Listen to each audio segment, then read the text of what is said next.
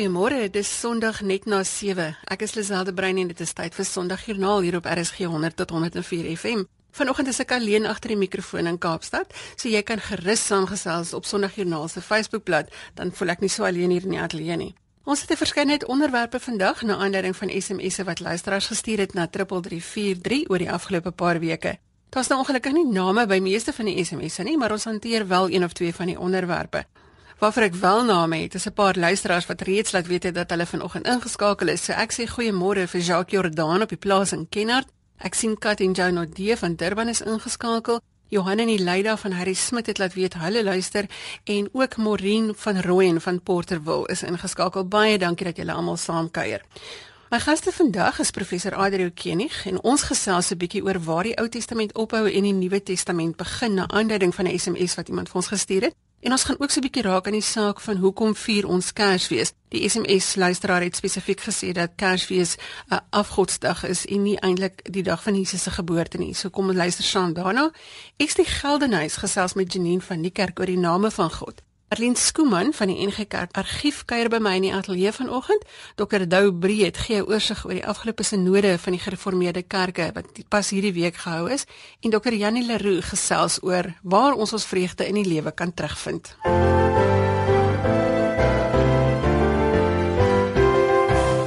Aan die begin van die jaar het almal nuwejaarsvoornemens en ons pak die jaar met nuwe geesdrif aan na die vakansie. Professor Adrio Kenig sluit vanoggend by ons aan om te gesels oor die voorbeeld wat ons by Jesus kry. Goeiemôre Adrio. Môre Lisel. Adrio, so baie mense maak voornemens, maar sou 'n baie goeie voorneme nie wees dat Jesus die hele jaar ons voorbeeld moet wees nie. Ek dink seker 'n wonderlike voorbeeld, 'n wonderlike besluit om regtig Jesus as my voorbeeld nie net nou te besluit nie, jy sien, Besluite is lekker goed, maar die goed moet uitgevoer word om dan regtig hierdie jaar agter Jesus aan te loop. Dit sal wonderlik wees. En hoe gaan ons dit doen? Om Jesus na te volg is iets anders as om Jesus na te aap. En en na aap klink nou 'n bietjie lelik, maar die punt wat ek wil maak is daar's mense wat Jesus in sy godsdiensgebruike wil navolg. En dit word dan baie snaaks en baie moeilik want kyk Jesus was eintlik 'n Jood geweest. Hy was nie 'n Christen nie. Jy weet in Handelinge 11 word die mense eers Christene genoem. Jesus was 'n jong, toegewyde Jood wat volgens die Ou Testament die Here gedien het. Hy het tempel toe gegaan, hy het die feeste gevier, hy het van die offers vir die mense gesê om hulle offers bring. Hy het mense na die priesters toe verwys as hulle gesond gemaak het. Hy hy die Sabbat gevier, hy's besny. Jesus was 'n Ou Testamentiese Jood. Ek is nie meer 'n Ou Testamentiese Jood nie, ek is 'n Christen. Met ander woorde, ek kan ek gaan nie Jesus se Ou Testamentiese lewenswyse navolg nie. Ek gaan Jesus se waardes navolg. Daar's 'n baie duidelike oorgang in Jesus se lewe. Hy kom eintlik as 'n Ou Testamentiese profeet. Kyk, hy en Johannes die Doper, Johannes die Doper en toe hy. Hulle preek presies wat die Ou Testamentiese profete gepreek het: bekeer julle. Dis die dis die boodskap van die Ou Testamentiese profete: julle lewe ver van die Here af, bekeer julle, kom terug na die Here toe. Johannes die Doper preek dit, Jesus preek dit Matteus 3, Matteus 4. En Jesus, as jy Matteus mooi gaan lees, Jesus is geweldig sterk daarop ingestel dat hy die volk Israel by die Here moet terugkry. Hy sê selfs in Matteus 10 vir sy disippels as hulle uitstuur, moenie na die heidene toe gaan nie. Moenie na die na Samaritane toe gaan nie, gaan net na die Jode toe. Hy wil Israel by God terugkry. Maar hoe verder dit vorder en hoe nader dit aan die einde kom, word dit mos al duideliker dat die volksleiers nie na hom gaan luister nie, dat hulle hom gaan verwerp. En dan kry ons daai aangrypende goed hier aan die einde van Matteus, Matteus 21, dat hy uiteindelik vir hulle sê, die koninkryk van God gaan van julle weggeneem word en aan 'n volk gegee word wat die vrugte sal lewer. En uiteindelik verwerp God aan Israel omdat hulle Jesus verwerp het. Hy sê dit dan mos in Matteus 23 baie duidelik, Jerusalem, ek wou maar julle wou nie. Nou word julle stad vir julle verwoes gelaat. Hier kom die keerpunt. Nou gaan dit oor in 'n nuwe tyd in. In 'n sin moet 'n mens eintlik sê dis waar die Nuwe Testament begin. Jesus se lewe is eintlik nog 'n Ou Testamentiese lewe. Maar hier kom die keerpunt. En nou kom daar 'n nuwe lewenswyse wat hy deur die Heilige Gees vir die disippels gee om te lewe. Nou gaan dit om Jesus se waardes en nie om sy Joodse gebruike nie. Natuurlik is sy lewe vir my verskriklik belangrik, maar nie die Joodsheid van sy lewe nie, maar die waardes van sy lewe dat hy vir ander mense lewe. Dat hy die mense wat nie tel nie optel, dat hy vrouens wat plat geslaan word, wat verneder word, vergewe en dat hy ander mense hoër ag as homself. Dit is heeltemal die beginsel van Jesus. Hy soek nie sy eie belange nie. Hy soek ander se belang. As ons Jesus ons voorbeeld is en ons hom daarin navolg in sy waardes, in omgee vir mense in nood, in uitreik na ander, dan word dit 'n wonderlike jaar waarin ons Jesus dien. Jy het 'n baie belangrike ding gesê dat Jesus was nie 'n Christen nie, hy was 'n Jood. En ons het nou baie die ding op die tafel met die skietery in Parys uh waar mense wat gesê het hulle is moslim in die naam van Allah dan moord gepleeg het. En toe is die debat nou op die tafel dat godsdienste speel teen mekaar af. En dit is nie eintlik wat dit moet wees nie. Uh, hierdie waardes wat Jesus geleef het, is eintlik waardes wat mense in universele godsdienste kry. Is ek reg? Dis 'n baie interessante ding wat jy sê. 'n Stukkie daarvan is waar, maar weet jy, ek weet van geen godsdiens wat 'n God het wat homself aan die kruis prys gegee het vir sy mense nie. Ek weet van baie godsdienste wat 'n God het wat sterk en groot daarbo is en wat beveel en jy moet luister en jy moet reg staan en jy moet presies op dieselfde tyd al die regte goed doen. Maar 'n God wat sy lewe prys gee vir sy mense. Ek ken dit een.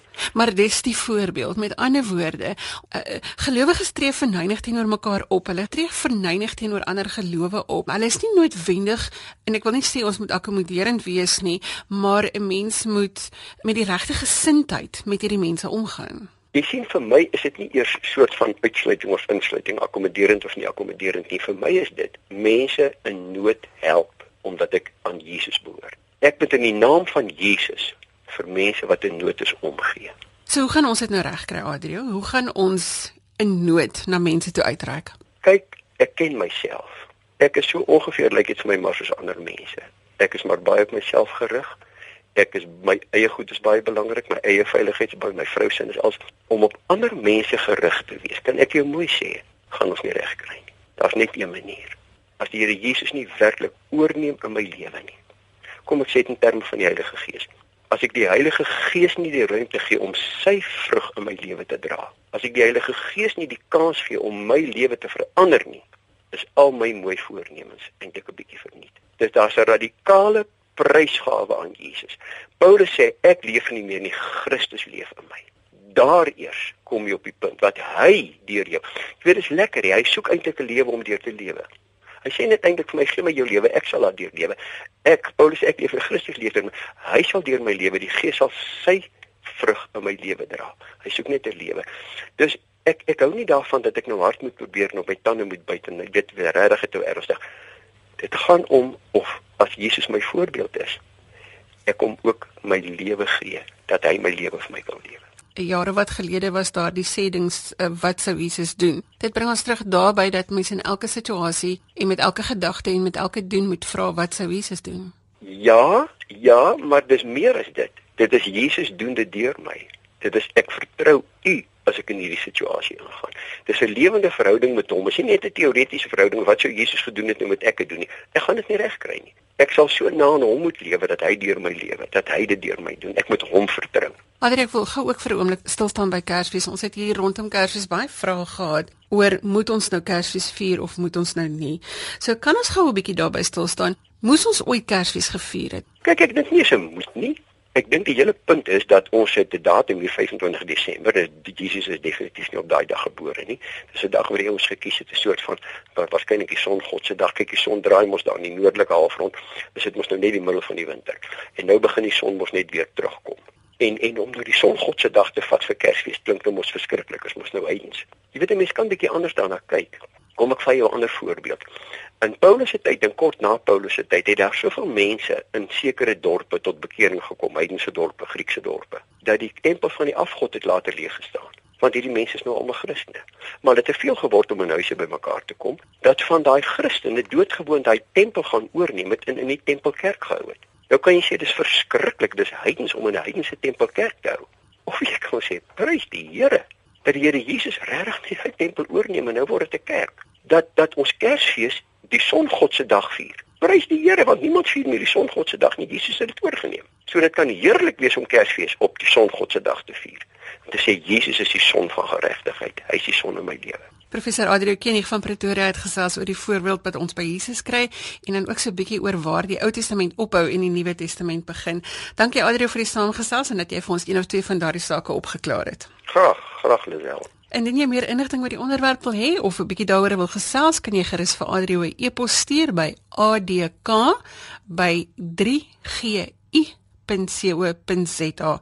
Ek herhaal gou weer die e-posadres. Dit is adk@die syfer 3 g en dan kolletjie i.co.za.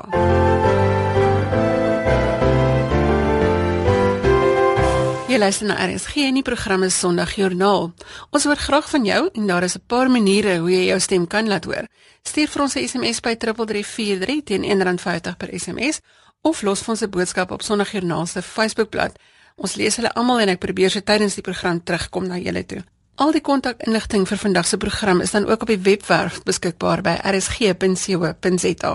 Janine van Niekerk is een van ons medewerkers in Pretoria en sy het met Estie Geldenhuys gesels oor haar studie van die name van God. Kom ons begin voor. Waar het jy die Here ontmoet in die eerste plek? Weet jy ek wil in die eerste plek vir jou sê dat ek kosbare ouers gehad het wat 'n mens al die regte dinge op die regte tye gegee het en so aan. En maar toe ek in my standaard 6 jaar het ek in CSV kamp. Daai tyd was dit nog net CSV. Mm. Ons het 'n CSV kamp gehad in Parys in die Vrystaat en Dominee Dani Minnar het 'n boodskap gebring en hy het so eislike skildery op die verhoog gehad van Jesus wat staan klop by 'n deur. Ek sal nooit vergeet nie daai deur was so half toegerank met rankplante. Maar hy staan en klop en Dominee Daniël toe gewys. Kyk, daar's nie 'n knop aan die buitekant. Dis nie daar nie, dis daar na minnaar. En hy het gesê kyk, daar's nie 'n deurknop aan die buitekant nie. Net jy kan van binne af oopmaak. En daardie aand het ek gekies om my deur oop te maak dat Jesus in my lewe kan inkom en hy het Ek kan getuig van baie dinge wat ek God beleef het in daardie dae. Daar dinge in my gebeur, dinge deur my gebeur. Ek is deur universiteit wat ek drama geswat het en wat ek regtig gestaan het op Christelike waardes en sulke klas van dinge. Ek is later getroud en ek en my man Koet het 21 jaar in George gebly en toe trek ons Pretoria toe. En hier in Pretoria het ek op 'n interessante wyse met baie mense te make gekry wat 'n intense pad met die Vader gestap het. En wat ek elke keer as ek so 'n intense belewenis met iemand gehad het, geweet het, mm, -mm hierdie mens het iets wat ek nie het nie. En uiteindelik het ek vir Vader gevra oor sy liefde. Ek het hom gesê ek verstaan nie hoe sy liefde werk nie. Weet jy Janine en Vader se antwoorde kom ons nie altyd soos mens gedink het dit gaan kom nie, want die eerste ding wat hy toe vir my begin openbaar het is hoe ek klink wanneer ek praat. Kwaai kritiserend, um, afbreekend, jy weet. Maar weet jy toe ek ook verder begine besef hoe kleinserig ek is, hoe eintlik seer daar nog binne in my is, seer wat uit baie jare terugkom wat nooit hanteer is nie, wat gemaak het, jy weet as mens mos nou byvoorbeeld verwerping beleef het eers en iemand gee net iets wat vir jou klink na kritiek, o, dan spring jy op daai wa hmm. van die woordstryd en jy wil met woorde jouself reg bewys. So die dinge het aan my uitgewys en ek het net uiteindelik besef toe ek vir Vader gevra het, "Wys my hoe u liefde werk." Dat hy my gewys het, weet jy wat, dit is soos jy lyk. En nogtans het my seun uit liefde vir jou in 'n kruis gesterf. Ek hou niks daarvan teen jou nie, maar my seun se liefde wil al die dinge wat jy nou ontdek in jouself, wat jy baie jare nog voorblind was, wil hy net vir jou kom genees en en kom aanpas. En in die proses het ek ook besef dat ek vir baie baie jare van my lewe my ernstig besig gehou het met ek wil dit letterlik in baie liefde noem godsdienstige rituele. En daar was nooit regtig 'n intieme verhouding met die almagtige lewende drie-enige God nie. Daar het toe iets ingrypends in my lewe gebeur op 'n stadium en daarna het ek regtig by die plek gekom wat ek besef het dit gaan oor verhouding en dat jy weet soos wat hy soos wat Samuel die versoul gesê het in in 1 Samuel 15 het die Here dan nou behaag in brandoffers en en al die rituele. Nee hy het hy het behaag in gehoorsaamheid en ek het toe begin besef goed nou moet ek bou aan 'n verhouding. En ek het nie geweet waar om te begin nie. En ek het om my rond gekyk en dan hoor ek hoe sê mense Jesus ek het u lief. Here God ek het u lief En dan gaan ek weer op my eie en dan sê ek Vader, ek wil dit ook kan sê, maar eintlik moet dit vir my betekenis hê en ek het nie 'n cooking clue wat dit beteken nie. Hoe hoe gemaak om uit my hart uit vir u te kan sê ek het u lief? Lippetaal is maklik. En toe ek ervaar dat hy vir my drie goeie sê. Hy het my gesê, weet jy, as jy my liefhet, sal jy my vertrou en elke keer wat jy my vertrou vir wat ook al, wys jy daarmee dat jy my liefhet. In die tweede plek, soek met my intimiteit. Jy alleen en ek alleen. En elke keer wat jy dit doen, bewys jy daarmee dat jy my liefhet. En in die derde plek, uit daai intimiteit, gaan ek definitief met jou ook praat. En as jy dan gehoorsaam is op dit wat ek en jy praat, het jy my lief. En toe het ek besef goed, laat ek dan by die begin begin. As ek hom moet kan vertrou, wat vra dit om iemand te vertrou? Ek het besef ek het nodig om sy karakter te leer ken. En toe ek daarvoor begin soek, het Vader vir my gesê, die vinnigste kortpad na my karakter toe. Leer my name ken, my Hebreëse name, want elkeen van daai name openbaar 'n ander faset van my karakter. En Janine, dit is waar my pad begin het en ek beloof vir jou, hierdie pad kom aan hier van 9899 af. Het ek hierdie pad begin stap. En jy kan sien waar trek ons by 2014. So dit is omtrent 15 jaar lank hmm. wat ek die pad gestap het. Dit het nie in een nag gebeur nie. Ek kan vir jou ook sê Janine dat in die hele veral die laaste jaar wat ek regtig hard gewerk het aan die projek, dan sal ek byvoorbeeld in Pretoria se strate ry en my bloedig vererg vir 'n taxi. En dan skielik besef ek, wag, wag, wag, jy kan nie die een oomblik, jy weet, sodat dit eintlik in verkeerde woorde by jou mond uitkom jou vererg. En ek is net dankbaar om te kan sê in die proses word 'n mens minder, maar nie die ehm um, verkeerde te min van jouself dink minder nie. Maar daai minder wat weet hy is groot en ek is klein. Daar is ongelooflik baie inligting wat saamgaan saam met die kennis van die name. Elkeen ja. is so 'n rykheid en so 'n openbaring. Maar as jy nou terugkyk op die hele proses en alles wat jy uitgevind het omtrent die Here en jy moet vir my een kies wat jou hart die meeste geraak het. Wat een sal dit wees? Hy is heilig. Yahweh Mkadesh. Hy is heilig en sy skoonheid lê in sy heiligheid.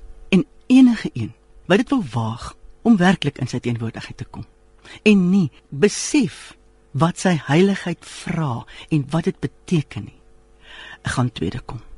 Want sy heiligheid uiteindelik vra dat ons sal binne toe kyk sonder om 'n smart vra te wees, sonder om voortdurend te karring en te krap, net te weet, Vader God, kan nie naby u kom as ek nie in erkenning leef van wat dit dan is wat uiteindelik regtig uit my hart uitkom nie. En dat ons die begeerte sal hê om rein van hande en suiwer van hart voor hom te leef. Van die sulkes mag klim op sy heilige berg. Was dit vir jou 'n veroordelende ervaring of was dit vir jou amper 'n deur 'n 'n 'n mooi deur om deur te stap daai een. Dit was 'n ontsaglike mooi deur. Weet jy want die gees van God, ek kla ons nie aan nie. Hy help ons. En jy weet ons lees so dikwels vir mekaar Johannes 3 vers 16, maar ons moet verder gaan. Waar Jesus self sê ek het nie gekom om die wêreld te veroordeel nie, maar om die wêreld te red. Hmm. En dit is daardie reddende liefde van ons Messias wat ek ook beleef het terwyl ek deur al die goed moes werk. En wat ek net besef het watter ontsaglike genade oor my uitgestort is. So, hoe maak hulle 'n koneksie met jou? Die mense is baie welkom om vir my te skryf op e-pos. Estie by estiegeldenhuis.co.za en mes spel my naam E S T E by en weer 'n keer E S T E en my geldenhuis is G E L en aan die einde 'n H U lang Y S.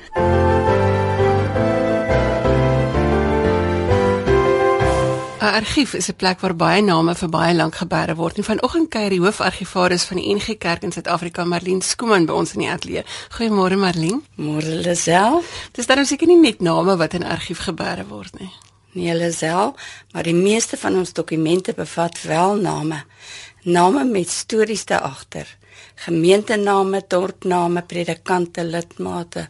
Ek het gehoor Lisel van 'n dogtertjie wat haar mamma geroep het en vir haar sê sy moet kom kyk na die bytjie se voetspore op die blomblaar. En mamma het maar met 'n swaar hart gegaan en so waar daar was klein geel styfmeel voetspore op die wit blommetjie se blaar gewees. En wanneer ons na die dokumente in die kluis kyk, kan 'n mens jy kan verslae en agendas en notules en korrespondensie en geslote dokumente sien. Maar as jy gaan sit en jy gaan nalees of navors, dan sien 'n mens letterlik Vader se voetspore op elke bladsy in mense se lewens. Marlene, wie werk almal by die argief? Ek het regtig voorreg om met ses wonderlike kollegas saam te werk. Ons staan saam op die skouers van die vorige argivarisse van jare terug, 1824. Elkeen van my kollegas is 'n spesialis op sy eie terrein en hulle help dat die argief nie 'n miwerige en 'n stowwerige stoorplek is nie. As ons praat van die argief, is dit is dit 'n kamer, is dit 'n kluis, wat is dit? O, jy moet kom kuier. Ons het twee groot kluise, netjies gebeure, dokumente in bokse, bokse wat kan praat as jy dit oopmaak. Berlin, wat gebeur met hierdie dokumente? Die argief is nie net 'n stoorkamer waar ou dokumente gebeere word nie. Ons oudste handgeskrewe dokument dateer uit 1665 wat in die kasteel geskryf is. En sedertdien ontvang ons byna weekliks nuwe materiaal, maar vir 'n persoon wat kom naslaan werk doen, is dit nuwe inligting. Die argief is 'n lewende en 'n dinamiese bron van inligting wat met sorg bestuur moet word. En dan natuurlik die moderne tegnologie maak dit vir ons moontlik om die materiaal te ontsluit en beskikbaar te stel vir ons navorsers. So wie is die mense wat kom om van hierdie dokumentasie te gebruik? Ons bedien navorsers met uiteenlopende behoeftes. Ek gaan 'n paar voorbeelde vir jou noem. Uh, daar was 'n navraag van 'n dame uit uh, Rhodesia uit. Sy wou terugkom Suid-Afrika toe emigreer. Haar oupa was een van die eerste evangeliste wat saam met Dominee Stefanus Hofmeyer Rhodesia toe gegaan het. En ons kon uit verskillende bronne, primêre en sekondêre bronne, kon ons haar legkaart bymekaar sit en vir haar foto's stuur van haar oupa. Sjoe, dit klink nou 'n interessante storie. Is wonderlik. Ons het nou onlangs 'n 'n navorser gehad wat oor die Afrikaners in Argentinië kom navorsing doen het. Ek het 'n navorser gehad wat dat doktoraal kom doen het oor die ontwikkeling van Afrikaans in Afrika en sy het al die ou sendelinge se preke en dagboeke gebruik. Ons ontvang dikwels navrae uit die buiteland uit. Hy was nou onlangs 'n navorsertjie wat kom werk het oor die Amerikaanse dosente wat by die Genote Universiteitskollege dames opgelei het in die wetenskap en om Andrew Murray daardie universiteitskollege was sy baba gewees en dis mense soos juffrou Bliss en juffrou Ferguson en juffrou Cummings. Almal wat daar op Wellington was. Almal daar op Wellington was en daar's baie voetspore van mense ja. Mens besef nie dat die voetspore wat jy los eintlik so lank iewers opgeteken gaan wees nie nê beslis beslis. Hy's 'n oupa wat in 'n kinderhuis groot geword het en sy kleinseun het uit die um, inligting wat hy by ons gekry het, kon hy 'n scrapbook vir sy oupa saamstel. En die reaksie was fenomenaal. En dan het ons natuurlik baie keer te doen met grondeise, prokureurs of dan aan die ander kant mense wat die eise stel wat na inligting soek en dikwels kan ons hulle help, baie keer kan ons hulle nie help nie. En dis nou alles inligting wat opgeteken is in notules en so van van kerke en gemeentes. Ja. En en dit en daardie notules word bewaar in ons kluise wat ek net nou nie vir jou gesê het nie wat temperatuur beheer uh, word en wat 'n brandbestrydingsstelsel uh, het sodat ons inligting behoue kan bly. Die humiditeit word beheer sowel as die klimaat, so dis altyd koel cool, tussen 18 en 22 grade en uh Ja, dis heerlik. In die winter is dit baie kouer buitekant, dan werk jy graag in die kluis. In die somer is dit baie warm buitekant, dan werk jy ook graag in die kluis. Klink vir my dis vir ons jou kry. Dis 'n ideale plek. Sê vir my Marlene, ja. jy bewaar seker daar daar seker goed wat nie net positief is nie, nê? Nee. Soos jy nou sê, daar's grondeise, so daar moet seker ander inligting in die kluis ook wees. Nee, definitief. Uh oom Paul het gesê neem uit die verlede alles wat goed is en bou daarop uh vir die toekoms. En die Bybel is ook baie eerlik oor die mens en sy sy foute. Op dieselfde bewyse bewaar ons ook in die argief dokumente en inligting van gebeure, suksesverhale, maar ook teleurstellings, ongelukkige gebeure. Die kerkgeskiedenis bestaan uit hoogtepunte en laagtepunte, ja. Hoorie en individue kan hulle hulle versamelings vir julle skenk as hulle inligting bymekaar gemaak het? Ja, as dit kerk uh, en gekerk verwant is, ons het redelik baie privaat versamelings, heerlik toe met die Andrew Murray AA Lou AF Lou om George Botha wat nie Sudan sending was. Weet jy, uh, Lisel so onlangs soos maandag was daar 'n dame by ons in die argief en sy het gekom en sy sê ek soek na my oupa se dagboeke En op die ou end het ons haar oupa se dagboeke vir kon gee. Dit was in die kluis toegesluit. Was in die kluis toegesluit in drie boksies as privaat versameling. En toe sy dit oopmaak en sy sien haar oupa se eie handskrif en sy die eerste dagboek wat sy oopmaak was vir haar so 'n wow ervaring. Marlene, ons is so gewoond dat in die kerk is die man aan die stuur van stake. Speel die vrou ook 'n rol in die geskiedenis wat die argief bewaar? Ja, baie van ons stories gaan oor vroue en die werk wat hulle in die koninkryk van Jesus ehm um, gedoen het. Op baie van die fotos in die kluise staan die naam pastorie moeder of mevrou Dominie so asof sy nie 'n naam gehad het nie. Maar ons weet sy het 'n baie belangrike rol in haar gesin en in haar gemeente vertolk. In die wyeer kerklike kringe het vroue bekend gestaan as susters. Nou weet ek nie of dit iets te doen het met die baie koeksusters wat hulle moes bak nie. Ehm uh, maar die fondse wat op daardie manier geïn is, het reuse verskil gemaak aan die uitdra van die evangelie. En daar was ook 'n stadium dat die vroue sending ontlede elke eier wat op 'n Sondag gelê was, gegee het vir uitbreiding van die koninkryk. En jy is ook 'n vrou wat aan die stuur staan van die sake daar by die argief. Wat is die pad vorentoe? Dinge dinge is so aan die verander en alles word elektronies. Speel die argief nog 'n rol vandag? Ja. Stefan Joubersie in sy boek Jesus 'n radikale sprong. Hy sê ons moet agteruit vorentoe beweeg. Bedoelende dat ons voortdurend die pad waarlangs die Here ons gelei het moet bedink en dan met die kennis en ervaring vorentoe beweeg. Nou ons kan nie vorentoe as ons nie iets het om na toe terug te kyk nie. So ja, die argief het 'n geweldige rol. Die materiaal in die argief is vir ons so Samuel se Ebenezer tot hier toe het die Here vir ons gehelp. Ons het onlangs 'n versoek van 'n pappa gekry en die, hy was in die buiteland en hulle het hulle eerste kleintjie gedoop. En toe word die doopgeleentheid vir hom so belangrik en toe kontak hy ons toe sê hy vir ons kan ons asseblief vir hom sê watter dag was hy gedoop? Wie was die dominee?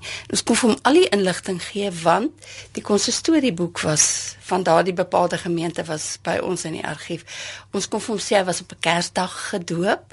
Dit was 'n kinderdiens. Ons kon vir hom sê watter dominee hom gedoop het. So ons speel 'n geweldige rol want ons raak mense lewens. Dis absoluut fascinerend. Marlene, ek dink ek gaan tog by julle kom kuier. Dat ons 'n bietjie daardeur van die van die dokumente blaai en kyk na die uniekheid daarvan. As mense die argief wil kontak, waar kan hulle dit doen? Telefoonnommer 021 082923 en dan het ek 'n uh, e-pos Marlene at kaapkerk.co.za en hulle kan gerus ook ons webblad gaan 'n bietjie gaan blaai daar uh, www.kerkargief.co.za maar kom kuier gerus dis waarvoor die argief daar is Dit was Marlene Skuman, die argivaris by die NG Kerk in Suid-Afrika Argief en sy het vir ons vertel van alles wat in die besondere kluis gebeure is. Dankie Marlene dat jy saamgesels het. Baie dankie Lisel vir die voorreg. Ek gee gou weer Marlene se kontakbesonderhede as jy 'n pen en papier wil nader trek. Die telefoonnommer is 021 882 9923. Ek herhaal die nommer, dis 021 882 0923 haar e-pos is marlien m a r l e n e @kaapkerk alles een woord.co.za en dan het die kerkargief ook 'n webblad by www.kerkargief.co.za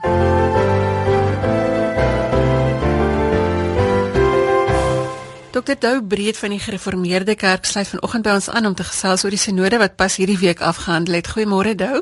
Goeiemôre. Nou jy was voorsitter van hierdie sinode. Wat is die belangrike sake wat op die sinode gedien het? Ja, dit is altyd moeilik om sake uit te kies, maar die eerste is die wat genoem is omkeerstrategie. Ons moet dalk maar 'n nuwe naam uitdink en ek dink die deputate wat daaroor aangewys het, het 'n nuwe naam genoem. Uh, ek dink die ander saak wat ook belangrik was was rondom die verhouding met die NG Kerk. Iets wat nou baie in die media gefigureer het die afgelope week was die vrou in die amptsaak en uh dan wat na my oordeel baie belangrik is gaan oor uh die mooi samewerking en ek die eenheid wat by hierdie sinode mooi na vore kom tussen die voormalige swart kerke en wit kerke en die saamwerk en saam dink en saam besluit wat 'n mens baie mooi sien.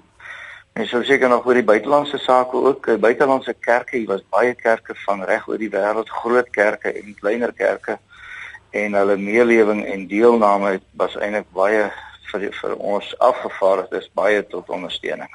Goed, kom ons begin sommer by jou eerste saak. Waaroor gaan die omkeerstrategie en en wat het julle daaroor besluit? Die gereformeerde kerk is natuurlik al baie lank hiermee besig en onder die besef gekom dat jy weet mense mense raak eintlik maar na soveel jare raak 'n mens maklik gearriveerd en kom daar 'n stagnering, kom daar selfs 'n afname in getalle en so aan.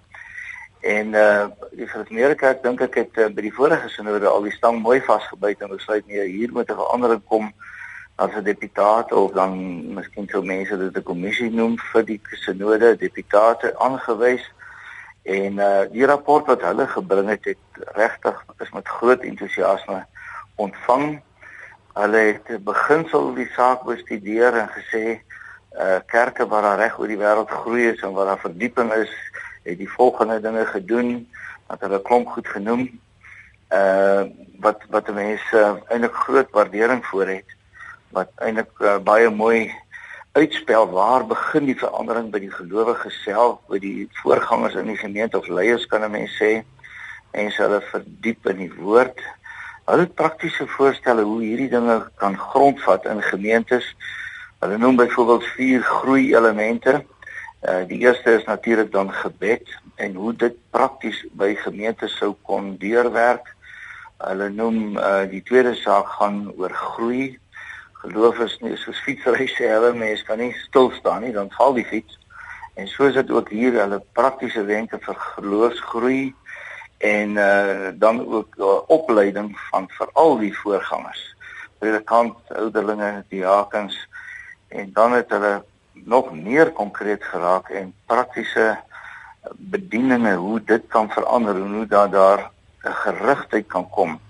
Nou ek wil sê die kernelement van hierdie hele omkeerstrategie is dat ons moet begryp God is in hierdie wêreld deur Christus, deur die Heilige Gees aan die werk en gerig dat ons ook gerig raak nie net op mense wat nie glo nie, maar in 'n groot mate. Ek dink dit is een plek wat ons besef dat die Christelike kerke het uh dis belangrik dat ons begin begryp ons roeping hier in Suid-Afrika en in Afrika. En hulle het uh deputate wat hulle dan nou noem kerkgroei bediening voorgestel wat aanvaar is, maar ook en dis baie interessant 'n sentrum vir bedieningstoerusting en begeleiding wat dan kursusse gaan uitwerk, uh toerusting kursusse aanbied en eintlik begeleiding by die gemeentes doen. So dit het my getref, maar dis nie net teoretiese saak nie, maar dit het praktiese voorstelle en ek wil sê die sinode dit met groot entoesiasme aanvaar en ek dink kerke gaan in 'n groot ek hoop en bid daarvoor dat kerke in 'n groot mate daarvan gebruik sal maak. Dit klink na baie praktiese voorstelle en en ons weet dat die geloof is 'n lewende ding wat konstant verander, maar dit klink na positiewe veranderinge. Die samewerking tussen die Gereformeerde Kerk en die NG Kerk, dit was ook nou nogal groot nuus. Hoe het julle daarmee omgegaan? Ja, jy sien dit is eintlik as 'n mens mooi daaroor dink, die rapport uh, het nou by ons gedien en dit was eintlik ons almal het besef, jy weet dat nie net kultureel nie, maar ook on, in ons geloofsverbondenheid is ons eintlik al vir soveel jare aan mekaar verbind en werk met mekaar mee. Ek persoonlik dink nie dat daar vreeslik nie voorgestel is in die ooreenkoms of hoe dit nou al genoem is, uh, dat daar eintlik regtig 'n uh, nuwe goed voorgestel is. Die punt is dit word net nou konkreet aan beslag gegee. Noem maar samewerking, as mens dink oor op onderwysgebied, selfs wat die parlement betref en reaksie van die kerke selfs rondom wetgewing. Ek dink aan die ding is nou ook 'n uh, eh, konkreet beslag gegee en gesê dit is dinge wat ons eintlik al reeds doen en wat ons maar mooi besef wat ons nie so aanhou konsentreer op die verskille nie, maar dit wat ons al reeds het, ons is in elk geval as gelowiges een in Christus. Al is ons verskillende kerke en dan verskil ons op sekere terreine. Ek dink dit is eintlik 'n baie positiewe rigting wat ons nou ingeslaan het hier rondom daar konkrete erkenning te gee aan hierdie eenheid wat ons in Christus het, al is ons verskillende kerke. Daar ons het nog tyd vir so twee sake. Die een ding waaroor ehm um, die die vorige sinode so 3 jaar gelede nie kon uitsluitsel gee nie was die toelating van vroue as predikante en ouderlinge in die gereformeerde kerk. Het hierdie sinode nou nader gekom aan 'n oplossing? As ek kyk na die koerante dan klink dit nie vir my so nie. Hoe lyk die pad vorentoe vir julle daar? Ja, party mense sal sê ons het nader gekom en party dalk nie. Wat vir my mooi was in ons verskille met mekaar kon ek daarom by hierdie sinode sien dat ons regtig begrip het vir mekaar in ons verskillende standpunte. Wat ek dink baie positief hier besluit was was die hele saak van dat daar nie net 'n eenmalige spesiale sinode sal wees nie, maar 'n sinode sal tot stand kom nou. Dis ook nou so afhandel en besluit wat uh, op 'n ander manier sal funksioneer. Die streeksinodes sewe as ek nou reg onthou, vaar dit dan elkeen uh, vier ouderlinge en vier predikante af en die mense sal ek kan amper sê 'n vaartbeleide sinode hê wat aanhou vergader, hulle kan breek en weer vergader uh, totdat hulle tot met mekaar ooreengekom het die mense oor hierdie saak. Byvoorbeeld dan dat die vrou en die amp en dit kan ander sake natuurlik ook hanteer. Wanneer is sinode die, die algemene sinode dit dan sou verwys na hierdie sinode. Belangrike hier vir my is dat hulle ook besluit het dat die sinode besluit het hierdie spesiale sinode moet daarop konsentreer of daar beslis belangrik aandag aan gee dat kerke en lidmate by hierdie sinode kan insette lewer. Jy weet, want dit is altyd die probleem. Jy sit nou en wag wat gaan die sinode besluit? En hier sal daar dan geleentheid gegee word Ek was self op die deputate wat hierdie voorstel gemaak het en ons het dit baie positief beleef dat ons die opdrag gehad het ons moet dat gemeentes en lidmate insette lewer en daar was kostelike insette gewees.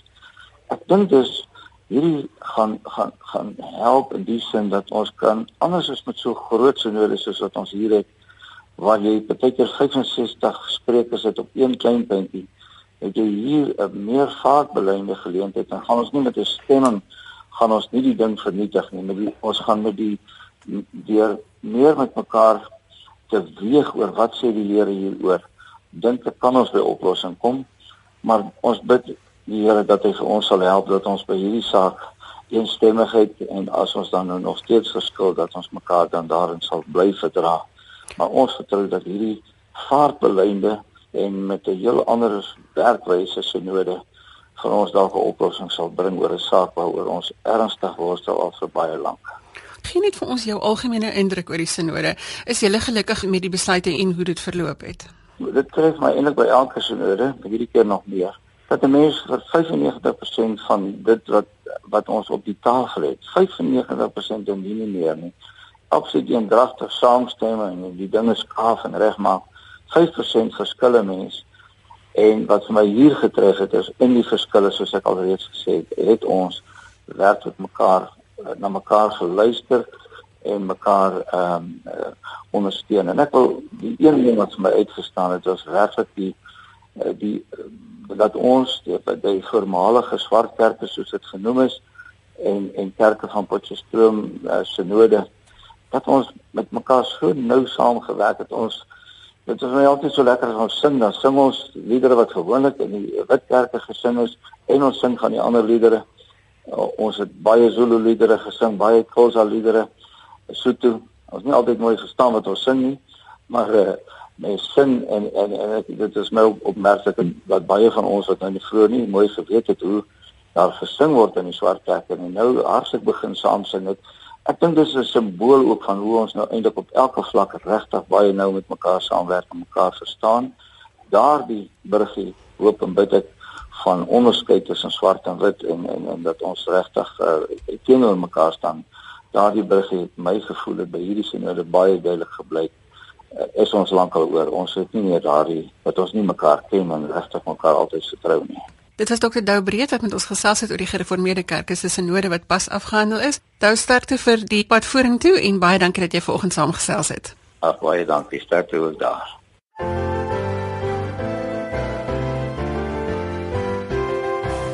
As jy sopas ingeskakel het, ons kuier landwyd op RSG 100 tot 104 FM en wêreldwyd by rsg.co.za. Jy luister na Sondagjoernaal en ek is Liselde Brein. Ons hanteer vandag 'n paar sake van die SMS-lyn wat luisteraars gestuur het na 3343. En ek moet sê ons kry nogal heelwat SMS'e by RSG waar luisteraars baie meer fokus op die aanbiedingstyl en die taal as op die inhoud van die program en partykeer raak hulle soms erg verneig.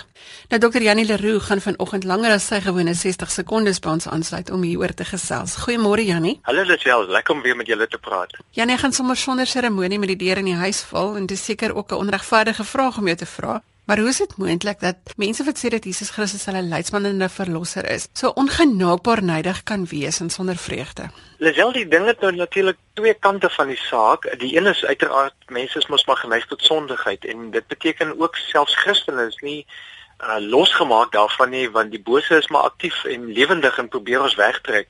Maar ek dink ons moet iets ook verstaan en dit is 'n belangrike deel wat ons moet verstaan hoe ons liggame werk. Soos die Engelse persone sê hoe ons gehardwire is. Nou ons oerbrein wat ook ons limbiese of emosionele of selfs reptielbrein genoem word, word deur ons amygdala bestuur. En dis hier waar die goed verkeerd loop. Wanneer jy kalm is, dan dink jy normaalweg rasioneel en daai denkende deel van jou brein, jou sogenaamde neokorteks, funksioneer om al die seine wat ons ontvang te interpreteer. Ons dink meer logies, ons kan meer kreatief dink, ons is meer ontspanne. Maar dikwels voor daai sintuie by die denkende brein kom, kom dit dan by die noem dit maar by die amygdala dan in en dit word gestuur daai in deur 'n skakelaar wat die thalamus genoem word. En dan hijack dit al daai syne en dan reageer ons oerbrein so geweldig vinnig, so outomaties want in daai oerbrein is gestoor al daai syne wat ons instel op gevaar. So enigiets wat dalk net klink na gevaar, laat ons in 'n oorreaksie gaan. Met ander woorde, dis hoekom baie keer mense spring as hulle skielik 'n harde geluid hoor. Dit kom uit jou oerbrein uit. So wanneer jy gestres is, dan kaap jou syne in daardie rigting en dan begin jy reageer op 'n oerrespons van veg, vlug, vries en nou sit jy met die sleg daarvan dat jy loop op adrenalien en kortisol want dis die goed wat jou liggaam vrystel om vinnig te reageer en wanneer jy nie in 'n slegte situasie is nie maar al daai syne kry soos wanneer die media dit vir jou bly in stuur na jou lyf toe, dan ooreageer jy telkens. So wat gebeur met goeie Christene?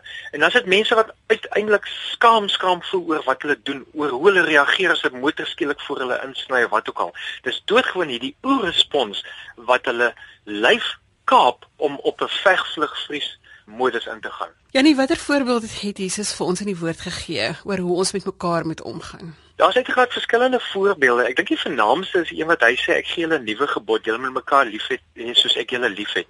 En dit doen hy dan in Johannes 13 in die konteks waar hy dan opstaan en doodgewoon die ouens se voete was. Maar hy werk met 'n baie groter perspektief en dit is wat my kop help verstaan hoe moet ons hierdie oorrespons hanteer. Matteus 5 sê Jesus, uh julle het gehoor dat daar gesê is jou naaste moet jy lief hê en jou vyande moet jy haat. Maar ek sê vir julle, julle moet julle vyande lief hê en julle moet bid vir die wat julle vervolg. Dit is interessant wanneer jy die hele tyd ingestel is of stres of gevaar en daai oorbrein van jou almekaar wil oorneem. Het jy nodig om 'n groter prentjie te kry? Die groter prentjie wat jy kry is om te verstaan hoe funksioneer my God. Wat is my godsprentjie? Want my godsprentjie bepaal op die ou end my wêreldprentjie en my wêreldprentjie bepaal op hoe ek reageer. So as ek glo God kan dinge verander. Dit beteken dan leer ek om my vyande lief te hê. Wat doen ek as ek my vyande lief het? Ek haal doodgewoon die beheer uit hulle hande uit of wat ek dink in hulle hande is en ek sit dit terug in God se hande. Wat doen ek wanneer ek bid vir die wat my vervolg? Ek beteken ek gee nie beheer oor aan iemand nie ek neem saam met Jesus beheer. En die oomblik wat 'n mens dit doen, dan word iets in jouself wat Jesus noem of wat Paulus dan noem, word saam met Christus gekruisig. So nie ek is wat lewe nie, maar Christus wat in my lewe. Met ander woorde, jy werk vanuit 'n baie groter perspektief om te sê, weet jy, ek gaan anders optree want wanneer ek anders optree, neem ek saam met Jesus beheer oor, dan dan sak al my adrenalien, dan sak my kortisol, dan kaap my amygdala dit nie meer nie. Dan kan ek weer rasioneel dink en sê, wat is 'n beter optrede? Wat is 'n beter reaksie? Hoe kan ek die situasie verander? Is ek reg as ek sê dat gelowiges noodwendig as leiers in 'n mindere of in 'n meerdere mate na vore moet tree um, en 'n voorbeeld moet stel? Ek dink absoluut so. Ek dink juis dit is die pad wat gelowiges moet loop, want op die ouend sê Paulus baie duidelik volg my voorbeeld soos ek die voorbeeld van Jesus volg. Nou ek dink ons koes te veel weg uit vrees vir die slegte goed wat ons al reeds gedoen het. Die gouste om maar verby te kom is om vir iemand te sê ek vra om verskoning as jy ooreageer het of om te net te glimlag, daai kort distansie tussen iemand te kry om dit dit oorbrug met 'n glimlag. Maar ons moet die leiding gee vir mense te sê, weet jy, jou oorrespons gaan inskop. Jy gaan kwaad word, jy gaan aggressief voel, jy gaan uit beheer uitvoel, maar onmiddellik haal net diep asem. En asem herinner my altyd aan roog, Ou Testamentiese woord vir asem, maar dis ook dieselfde woord wat vir gees gebruik word. Nuwe Testamentiese woord pneuma wat ook asem beteken, wat ook gees beteken. So my asemhaling herinner my dat die Heilige Gees dit in my kan verander. So haal diep asem is 'n praktiese liggaamlike respons sodat jou ehm um, kortisol en die goed kan sak in jou lyf sodat jy weer kan dink en kreatief optree en op die einde met ander woorde Jesus vir mense kan wys. Dit was Dr. Janie Leroux, ons gereelde medewerker hier by Sondag Joernaal wat saamgesels het oor die vreugde in die lewe en die voorbeeld wat Jesus vir ons hierin gestel het. Janie, as mense dalk net vir jou wil dankie sê vir daai geluksoomblik wat jy elke Sondag vir ons gee waarmee jy ons instuur in die week en waar kan hulle vir jou e-pos? Ek jy, hulle kan my maar stuur na janie@janieleroux.co.za. Jannie@jannieleroux.co.za. Ek gaan net weer stadig herhaal. Dis Jannie by jannieleroux.co.za as jy met Dr. Jannie Leroux in gesprek wil tree. Dankie Jannie vir die saamgesels. Baie dankie se voorreg. En daarmee het ons dan gekom aan die einde van vandag se Sondagjoernaal. Onthou dat jy vir meer inligting kan gaan aansluit by Sondagjoernaal se Facebookblad en jy kan ook 'n potgooi gaan aflaai van die program by rsg.co.za. En as jy nie wil aflaai nie, kan jy sommer net ook regstreeks luister op die webwerf. Ek groet namens produksieregisseur Neil Roo van my Liselde Brein tot volgende Sondag. Totsiens.